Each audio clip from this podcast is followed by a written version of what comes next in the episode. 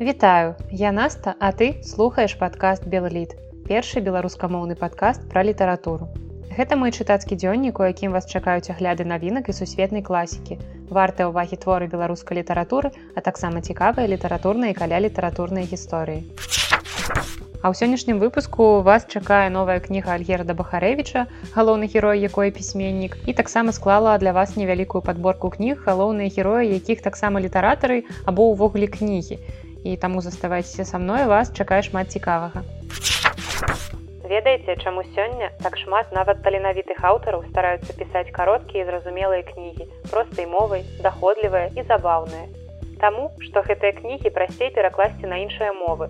Гэта раз таму што іх прасцей прадаць гэта два і таму што аўтары і выдаўцы думаюць выключна пра продажы і папулярнасць а не пра боль страх і свабоду творчасць нікога ўжо не цікавіць Але як мы бачым альгерт бахарэвич якраз з тых літаратараў хто ўсё яшчэ думае і пра боль і пра страх і пра свабоду. Прычым судзячы па аб'ёме ягонай новай кнігі ён думае пра гэта даволі шмат. Ды і гэта заўважна паводле зместу твору. Такім чынам першы герой сённяшняга выпуска гэта Альгерт Бахарэвіч з новай кнігай апошняя кніга пана А, якая сёлета выйшла ў выдавестве Янушкевіч. Увогуле Альгерт Бахарэвіч гэта той пісьменнік, якога ў сучаснай беларускай літаратуры я магу назваць галоўным і гэта вылічваецца не паводле чэргаў па аўтограф і фотачак з ягонымі кнігамі ў нстаграме, а паводле якасці прозы і маштабу ягонага таленту.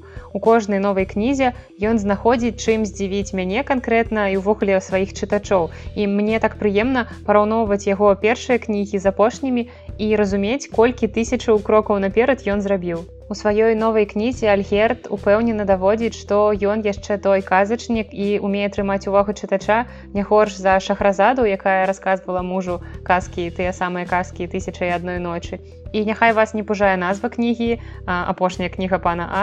З літаратурай альгерт ні ў якім выпадку не завязвае а под літарай а хаваецца пан аўтар галоўны герой гэтай кнігі які апынаецца ў прымусовай самаізаляцыі ў доме купца кніга выдаўца гучыць даволі актуальна гэтая прымусовая самаізаляцыя для нашага часу. Я думаю вы разумееце што ў беларусі зарабляць літаратурнай дзейнасцю даволі няпроста і тут я аптымістычна не кажу што немагчыма але быць пісьменнікам быць толькі пісьменнікам пісьменнікам гэта даволі складана. Звычайна у наших пісьменнікаў ёсць нейкая іншая паралельная праца якой яны ўласна зарабляюць грошы а пісьменніцтва гэта так такі дадатак без якога яны просто не могуць уявіць сваё існаванне. Так вось у гэтай кнізе аўтар пазычыў у купца 10 тысяч даляраў. Ён хацеў набыць сабе дамок і вось ён не здолеў гэтыя 10 тысяч даляраў яму вярнуць. Таму і ён вымушаны быць у купца ў своеасаблівым літаратурным рабстве аўтар пераязджае ў дом да купца і штовечар мусіць расказваць яму ягонай сям'і одну казку. Атрымліваецца ў дзень ён піша гэтую казку ці ўночы а ўвечары ладзіць сумесныя чытанні і далей яны ўсё гэта абмяркоўваюць. І ўвогуле ці магчыма такое ці здолее пан а вытрымаць такі шалёны тэмп і штодзённа выдаваць па адной якаснай гісторыі? І пан аўтар выдатна з гэтым спраўляецца але што самае галоўнае для нас з гэтым выдатна спраўляецца і пан альгерт бахарэвич які здолеў прыдумаць не толькі 30 захапляльных казак але і злучыў іх агульным сюжэтам і такім чынам абцягнуў шкілет скурай мясам і мышцамі Кампазіцыя твора рамачная складаецца з прадмовы, у якой нас уводзіць у гісторыю аўтара, як ён пазычыў грошы, на што ён іх патраціў, як ён спрабаваў іх вярнуць, як у яго гэта не атрымалася. І далей ідуць 30 глаў. І кожная глава пачынаецца ўласна казкай, прыдуманай панам аўтарам, а заканчваецца абмеркаваннем і пэўнымі здарэннямі, якія адбываюцца ў доме купца. У асноўным казкі паміж сабой не звязаныя, яны нават у розных жанрах у розных стылях напісаныя, але пад канец кнігі яны ўсё глыбей пранікаюць у жыццё купца, яго сям'і і таму ўсё цяжэй адрозніць казку ад рэальнасці. І ў гэты час не менш цікавыя падзеі адбываюцца па-за домам выдаўца. І ў інтэрв'ю радыёвабода Альгерт сказаў, што саму кнігу пачаў пісаць яшчэ восенню 2018 года, калі мы нават не ўяўлялі, якія вось сюрпрызы нас чакаюць у 2020 годзе.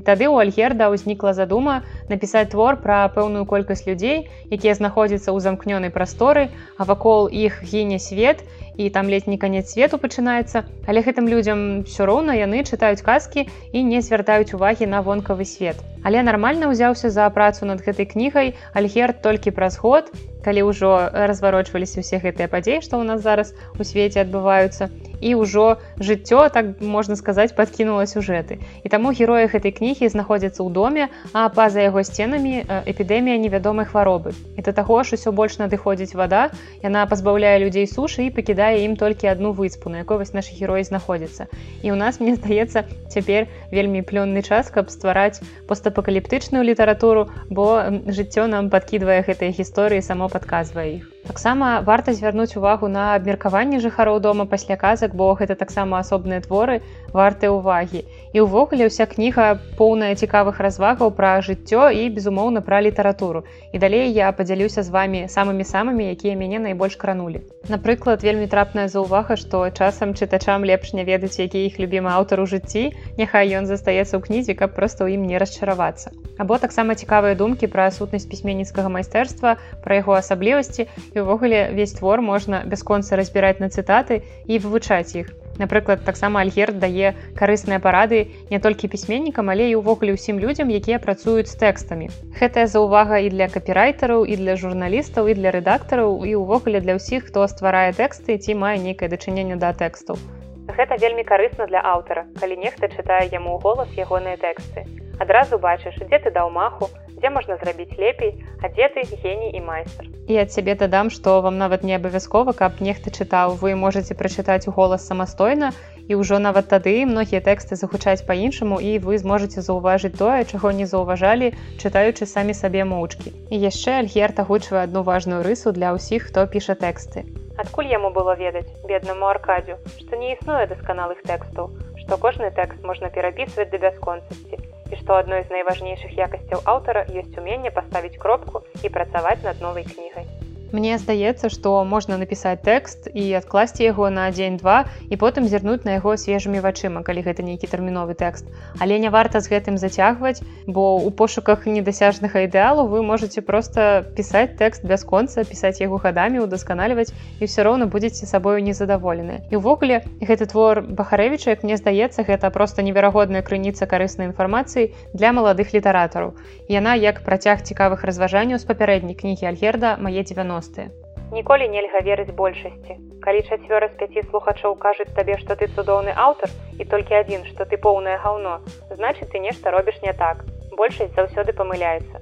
Калі цябе любіць і прызнае большасць, ты заблукаў ва ўласнай маніі велічы, дарагі мой значыць ты дастаткова сярэдні каб цябе ацанілі і полюбілі А яшчэ памятаеце у десятым выпуску я абуралася колькі з'явілася ўсіх гэтых курсаў пісьменніцкага майстэрства дзе людзі якія самі не напісалі ніводнай кнігі вучаць іншых людзей пісаць. Дык вось альгерда таксама не пакідае абыякавым гэтае пытанне. І вось што ён піша. Інна скончыла пісьменніцкія курсы адны з тых якія апошнім часам распладзіліся ў нас як танныя цырульнік прыватную школку, дзе амбітныя літаратурныя няўдаліцы вучаць наіўных летуценнікаў скарачаць і правіць, выкідваць і прарэджваць. Карацей, рэзаць і стрыгчы ўласныя тэксты і вымятаць непатрэбнае. Яны там чамусьці лічылі, што гэта галоўнае ўменне, якім мусіць валодаць літаратар і ўдзёбвалі гэтую лухту ў галовы сваім навучэнцам. Кастрыруй і не камплексуй. Так можна было сфармуляваць іхнае творчае крэда. Таму я не чакаў адынкі занадта шмат. І пад канец яшчэ адна цытата, якая дакладна не датычыць твораў самога альгерта. Ёсць такія гісторыі, якія напісаныя па ўсіх правілах. Іх пішуць людзі, якія доўга вучыліся пісаць і прыдумляць казкі. І ўсё ж у іх выходзяць проста словы. Я не ведаю, як так адбываецца, але ў іх тэкстах няма нейкага трапяткога святла, якое апальвае нам душы, нібы кончыкі пальцаў. Да іх роўнага штучнага агню можна дакрануцца і нічога не будзе ні болю ні крыўды. У гэтай кнізе мы можемм назваць пісьменніка прарокам які прадбачыў у якой сітуацыі будзе ўвесь свет. Але я ў гэтым бачу сапраўды пісьменніцкую місію быць трошки прарокам бачыць і адчуваць больш чым адчуваюць іншыя прадказваць будучыню паводле самых мінімальных зрухаў якія адбываюцца ў цяперашнім часе памятаць вопыт папярэдніх пакаленняў. І дарэчы здаецца у гэтай кнізе ўпершыню беларускай літаратуры было ўжытае слово каранавірус я нікуды не паеду кажа аўтар і мой сурок са мной. Я вырашыў гэта раз і назаўжды. Канец свету кажаце, ведаеце панове, я пісьменнік. У тым, што адбываецца для мяне няма нічога новага. Усё гэта ўжо было, было. Чума, халера, гешпанка, снід, каранавірус. Пра іх навалы напісана ў старых кнігах. Хоць мне ўсяго 45, але гэта я ўжо перажываў разам з чалавецтвам, дзякуючы напісанаму старымі майстрамі. Нічога новага пад нашую поўняй панове. Яшчэ вельмі актуальна і ад гэтага даволі балюча, калі натыкаешся на цытаты пра маскі. Напрыклад гэта. Ну так, я не сляпы, некаторыя былі ў масках, засмяяўся купец. Трэба сказаць, іх з'яўленне дадало гораду разнастайнасці чалавечы твары часам усе такія падобныя што ажно нудзіць а цяпер у горадзе нібыта з'явіліся іншапланетнікі новая раса. Людзі без ратоў людзі ў намордніках насавокія маўчуны або вось яшчэ наступная цытата. Раней кожны надзяваў на твар маску настрою. Задуменна прамовіла жонка купца. Маску шчасця або нядолі. Маску абыякавасці а цяпер адразу выйшаў з дому і ясна з кім маеш справу Паводле наяўнасці маскі можна зразумець, як чалавек цэніць сваё жыццё і жыццё іншых. Можна зразумець узровень сацыяльнай адказнасці зусім незнаёмых табе людзей, нават не пытаючыся ў іх. Такім чынам Альгерт Бахарэвіч зноў парадаваў нас моцным творам да таго ж неверагодна актуальным і сухучным з часам. І самае прыемнае, што гэтыя неспрыяльныя часы пройдуць, а кніга застанецца, каб далучыцца да кніг таго сонму старых майстроў і летапіцца ў сваёй эпохі каб ёй магчыма натхняліся творцы будучыні і вывучалі з яе дапамогай гісторыю. Вырашыла зрабіць сённяшні выпуск тэматычным і таму да новай кнігі Бахарэвіча, дзе галоўны герой пісьменнік, дадам яшчэ колькі сучасных кніг галоўнымі героямі, якіх таксама з'яўляюцца пісьменнікі ці ўласна кнігі. І тут будуць кнігі як беларускіх літаратараў, так і замежных. Першая кніга напісаная аўтарам суседняй краіны і думаю, што імя Владзіміра Сарокіна для вас не новае. Ён даволі вядомы ў рассіі і нават за яе межамі і здабыў папулярнасць сваю даўно, але не губляю актуальнасці і па сёння і актыўна выдаецца. І вось нядаўна нават выходзіў пра яго фільм Сарокін тріп, вельмі раю вам паглядзець. І адзін з яго нядаўных раманаў, які выйшаў у 2017 годзе, называецца Манарага. Гэта незвычайная кніга пра цікавую забаву, якая ўзнікла ў будучыні. Там галоўны герой Геза, ён кухар, які гатуе ежу на кнігах, выкарыстоўваючы іх замест дроў.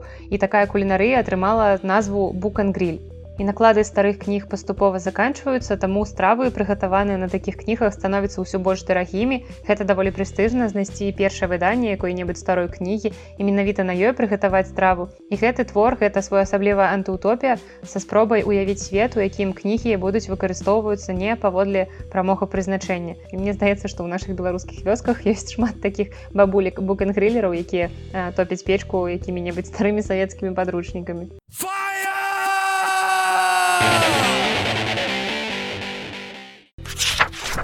Другая кніга падборкі гэта кругласутачны кніжны містера пенумбры амерыканскага пісьменніка робіна слоуна. Гэта раман пра незвычайную кнігарню, А я як чалавек, які працуе ў кнігарні, вельмі люблю чытаць кнігі пра сваю працу. І ў гэтую кнігарню ад безвыходнасці прыходзіць працаваць малады чалавек.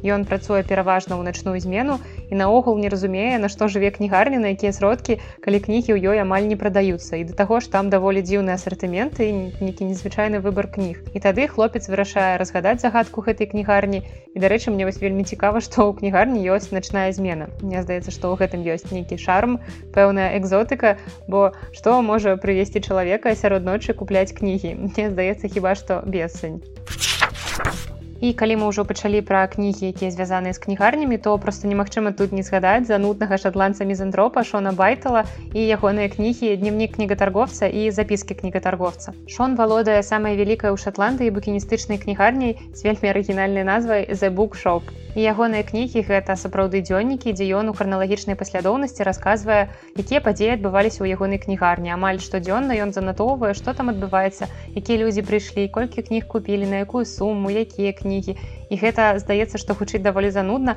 але насамрэч гэта вельмі цікава тому что шон ён не вельмі звычайны чалавек ён такі даволі мізантрапічны як я уже сказала. Ён не вельмі любіць людзей але пры гэтым ён працуе ў кнігарні яму трэба неяк прадаваць гэтыя кнігі людзям. І у яго шмат іншых супрацоўнікаў якія таксама дапамагаюць але таксама яны вельмі спецыфічныя. І мне здаецца што яны зусім нічога не разумеюць у маркетынгу у рэкламе. Але вось дзякуючы гэтым кнігам ягоная кнігарня стала сусветна вядома як мне здаецца. І цяпер амаль усе ведаюць што ёсць недзе ў шотландыі такі незвычайны букініст. Дарэчы я ж таксама працую кнігарні мне ёсць пра што вам расказаць. Ці было б вам цікава пра гэта паслухаць? Бо ў мяне такіх гісторый запісана сапраўды шмат.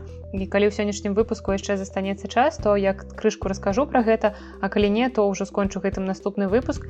І тады вы напішыце мне ў каментарях ці будзе вам гэта цікава ці працягваць мне ці варта гэта рабіць увогуле Наступная кніга ў падборцы ад беларускай аўтаркі паліны качатковай. У кнізе гняздо 2, якая выйшла ў галіяфах у 2016 годзе, змешчаная аповесць паэт, над якой аўтарка працавала 8 гадоў, калі працавала ў літаратурным музеі Масіма Богдановича. І твор прысвечаны, як вы маглі здагадацца Масіму Богдановичу, яго юнацкім гадам, яго пераезду з ніжняга Ноўграда ў Ярослаўль і вучобе ў Ярослаўскай гімназіі, а таксама сяброўству з дыядорам дзябольскім, які пазней напісаў спаміны пра Богдановича. У твору стаўлена шмат цытат з іншых твораў, напрыклад, з запісаў бацькі Масіма Адама Богдановича. І гэта робіць твор такім даволі жывым. Тут добры сюжэт, але адчуваецца нейкая незавершанасць, таму я не цалкам была задаволеная гэтым творам, але пачытаць сапраўды цікава.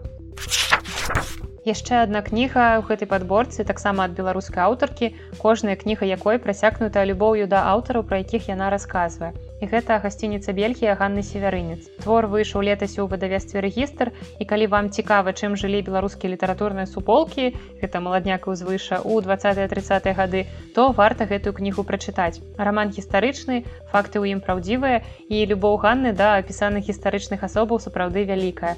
Гэта светлы творчы плённы але разам з тым даволі трагічны перыяд у гісторыі нашай літаратуры. І ганна апісвае яго з вялікай любоўю Наступная кніга пра пісьменніка і гэта раман неверагодна папулярнага ў наш час пісьменніка Джона Ірвінга мір глазамі гарпа. Дарэчы, гэты твор можа быць вам знаёмы яшчэ і паводле экранізацыі з робіным Уільямсам. І гэтая кніга гэта гісторыя выдуманага пісьменніка ТС гарпа ад яго зачацця да смерці. Мы бачым, як хлопчык расце, развіваецца, ён спасцігае свет і выбудоўвае ўласную карціну свету. І гарп становіцца пісьменнікам і гэтаму надаецца вялікая ўвага ў кнізе. Тут вельмі шмат кніжнай атмасферы, шмат падрабязнасцей у працы выдавецтва і увогуле кніга аб'ёмна яна закранае неверагодную колькасць тэмаў ты нібыта пражываеш цэлае жыццё з гэтым творам і увогуле для мяне творчасць ірвінга стала адкрыццём мінулага году а гэтая кніга стала адной з найлепшых прачытаных летась яшчэ адзін твор пра які больш падрабязна вы маглі чуць у десятым выпуску гэта роман лесніца в неба ірландскага пісьменніка Джона бойна. Гэта кніга пра маладога літаратара які пачынае свой шлях у літаратуру з плагіяту і наступная ягоная творчасць будуецца менавіта на гэтым прыёме. Ён не здольны прыдумаць уласныя сюжэты затое лёгка можа красці чужыя. Так і ён жыве далей прычым даволі паспяхова І я гляджу на час запісу падкаста і бачу, што ў нас яшчэ ёсць некалькі хвілінак, каб выпуск не атрымаўся надта зацягнутым. І я паспею вам расказаць некалькі такіх гісторый з жыцця кнігарні, у якой я працую і спачатку нават не гісторыі канкрэтныя а просто нейкія назіранні. Напрыклад мы ўсе не любім надакучлівых прадаўцоў крамах якія пытаюцца па 10 разоў ці не дапамагчы нам. І калі ты ім адмаўляеш яны ўсё роўна над душой стаяць ці ўвогуле вакол ходзіць і ў гэтай сітуацыі я магу знаходзіцца па абодва бакі барыкад бо як пакупнік я вельмі не люблю надакучлівых кансультантаў. Бо калі мне патрэбная дапамога часцей за ўсё просто паказаць дзе знаходзіцца пэўны аддзел у краме то я тады звярнуся за кансультанта і за мной не трэба хадзіць калі вас там трое ці нават чацвёра. Але з іншага боку барыкады я такі ж супрацоўнік кнігарні і тут я сутыкаюся з абсалютна незразумелымі паводзінамі пакупнікоў бо калі ты спытаеш ці не патрэбная дапамога то потым будуць лічыць што ты надакучлівы нейкі непрыемны чалавек. Але калі ты просто павітаешся з наведвальнікам і э, просто даеш яму магчымасць самому пахадзіць па кнігарні то потым будуць цябе папракаць што ты дрэнна іх абслужыў і што ты абсалютна неуважлівы да кліентаў Таму ведаеце, што калі вы зайшлі ў кнігарню ці ў іншую краму, а кансультант у вас нічога не запытвае, значыць ён просто паважае вашу свабоду, свабоду самому адкрыць цудоўны свет ягонай крамы. Таму я вельмі рэдка запытваю ці патрэбная наведвальніку дапамога толькі калі я бачу што чалавек стаў пасярод кнігарні і глядзіць па баках неяк разгублена бо у нас просто кнігарня не вельмі звычайная яна не падобная да гэтых аднатыпных дзяржаўных таму людзі калі заходзяць яны адразу могуць разгубіцца трошки А яшчэ ведаеце ёсць такі тып наведвальнікаў якія пасля пытання вам што-небудзь падказаць. Глядзяць на мяне так пагарліва нібыта яны толькі учора атрымалі нобелеўскую прэмію па літаратуры а тут нейкія плебей просто аспрэчвае іхнія шырокія веды ў галіне літаратуры літаратуры яны карацей думаюць што я тупейшая за іх у літаратуры не разбіраюся ні ў чым якой увогуле ад мяне дапамогі можна чакаць. Так аднойчы жанчына з гэтай цудоўнай катэгорыі наведвальнікаў я ж філолог пасля таго як пахвалілася мне тым што ў яе ёсць дыплом кандыдаты філалагічных навук попрасіла роман булгакова доктор жывака і калі я запярэчыла ёй што яго напісаў пастарнак яна мне ведаеце што адказала? Шэдэўральна просто вы што меня за дуру держите Дарэчы, можете расказаць у каментарыях пра свае стасункі з кансультантамі у кнігарнях ці ўвогуле ў іншых крамах пра негатыўны пра пазітыўны вопыт мне будзе даволі цікава пачытаць пра гэта з іншага боку. Увогуле кнігарню, як і любое іншае грамадскае месца часта наведваюць даволі розныя людзі. Прычым яны бываюць як прыемныя і цікавыя, з якімі хочацца весці доўгія размовы, размаўляць пра кніжкі, А то часам бываюць і даволі дзіўныя, які хочацца наадварот хутчэй выправадзіць. І часам заходзяць такія тыпы, якіх я сапраўды проста баюся. І калі ўлічыць, што ў жыцці я ўвогуле з мінімумам людзей маю зносіны кантактую, то мне бывае даволі цяжка і ёсць такая рыса якая мне не падабаецца ў людзях. Гэта іх упэўненасць што нехта камусьці абавязкова штосьці вінны. І даволі часта да нас зазіраюць людзі перакананыя што мы павінны ім тое тое. Напрыклад заходзіць жанчына якая запытвае пра наяўнасць пэўнай кнігі даволі спецыфічнай кнігі па лагапедыі. І мне здаецца што далёка не ў кожнай кнігарні будзе такая кніга. І таму я ёй адказваю што ў нас такой няма. На што ў адказы яе атрымліваю здзіўлення маўляў як это у вас няма мне сказалі што паўсюль ёсць. Хто сказаў якое такое паўсюль. Мне здаецца што ў мінск не такі маленькі горад і ў ім велізарная колькасць розных кнігарняў як дзяржаўных так і прыватных і ў іх даволі разнастайныя асартыменты. Часам дзве крамы яны вельмі адрозніваюцца паводле гэтага паказальніка. Напрыклад наша яна просто фізічна няздольная змясціць у сабе ўсе кнігі свету вядома ж на мой вялікі жаль. І наступная рэпліка гэтай наведвальніцы мяне просто дабіла. І ўлічыце яшчэ што я быў такі даволі напышлівы тон яна сказала а варта мець мне здаецца што вам спадарня варта быць ветлівай. Гэта ўсё што варта ў прынцыпе ў гэтай сітуацыі.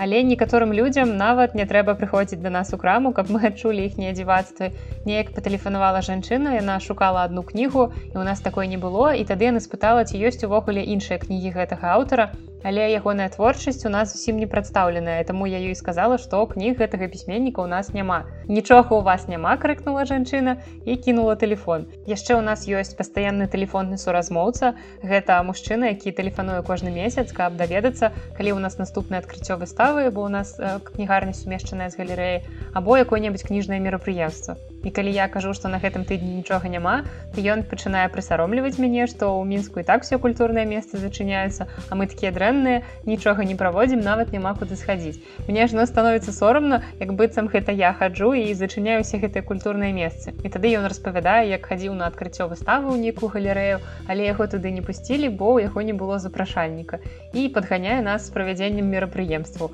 а потым ён все ж таки прыходзіць на нашыя мерапрыемствы і сыходзіць апошнім на добрым пад подпитку. Вось так чалавек цікавіцца культурай.